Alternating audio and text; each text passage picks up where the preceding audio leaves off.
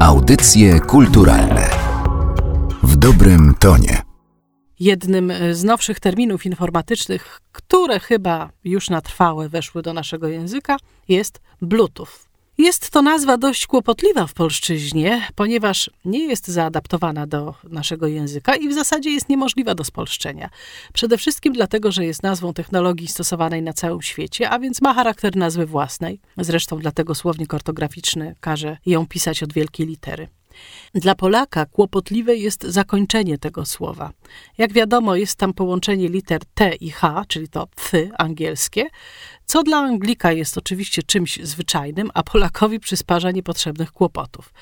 Wielu z nas bowiem nie wie, jak ten dźwięk wymawiać, albo inaczej, nawet jak wie, jak ten dźwięk wymawiać, to no, nie wie, jak go spolszczyć. Czy jako ty, czy jako sy, czy jako fy.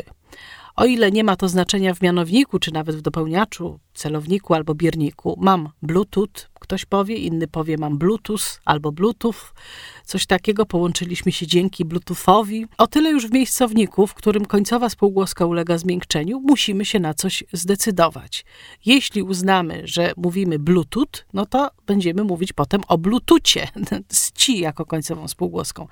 Jeśli zaś uznamy, że na końcu jest fy, czyli na przykład Bluetooth, no to powiemy o Bluetoothie. Taki to kłopot, jeśli chodzi o spolszczenie tego wyrazu. Ta trudna dla Polaka nazwa w języku angielskim oznacza dosłownie niebieski ząb. Blue to jest niebieski, oczywiście tuf ząb. Twórców technologii bezprzewodowego przesyłania danych na niewielką odległość, no bo do tego przecież służy Bluetooth, zainspirowała historia króla duńskiego. To był król Harald Sinozęby.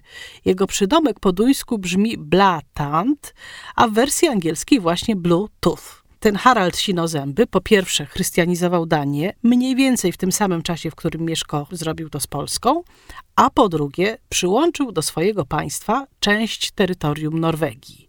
I właśnie z tego drugiego powodu Harald Sinozęby, a właściwie jego przydomek, y, posłużył do nazwania technologii, która łączy telefony, tak jak król Danii połączył kraje. I to właśnie z tego powodu, że król Danii połączył te dwa kraje, to łączność została tutaj uznana za powód posłużenia się tym jego przydomkiem do nazwania tej technologii, która łączy. No, sądzę tylko, że Norwegowie nazwaliby to jednak nie przyłączeniem, a nawet jeśli tak, to nie uznaliby tego za coś chwalebnego. Technologię Bluetooth z królem Haraldem Sinozębym wiąże nie tylko nazwa, lecz także symbol.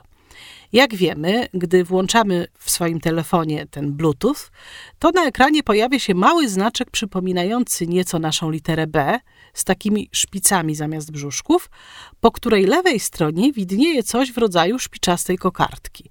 Są to nałożone na siebie dwie litery alfabetu runicznego. Jak wiadomo, alfabetem tym posługiwały się ludy germańskie, a więc i Duńczycy.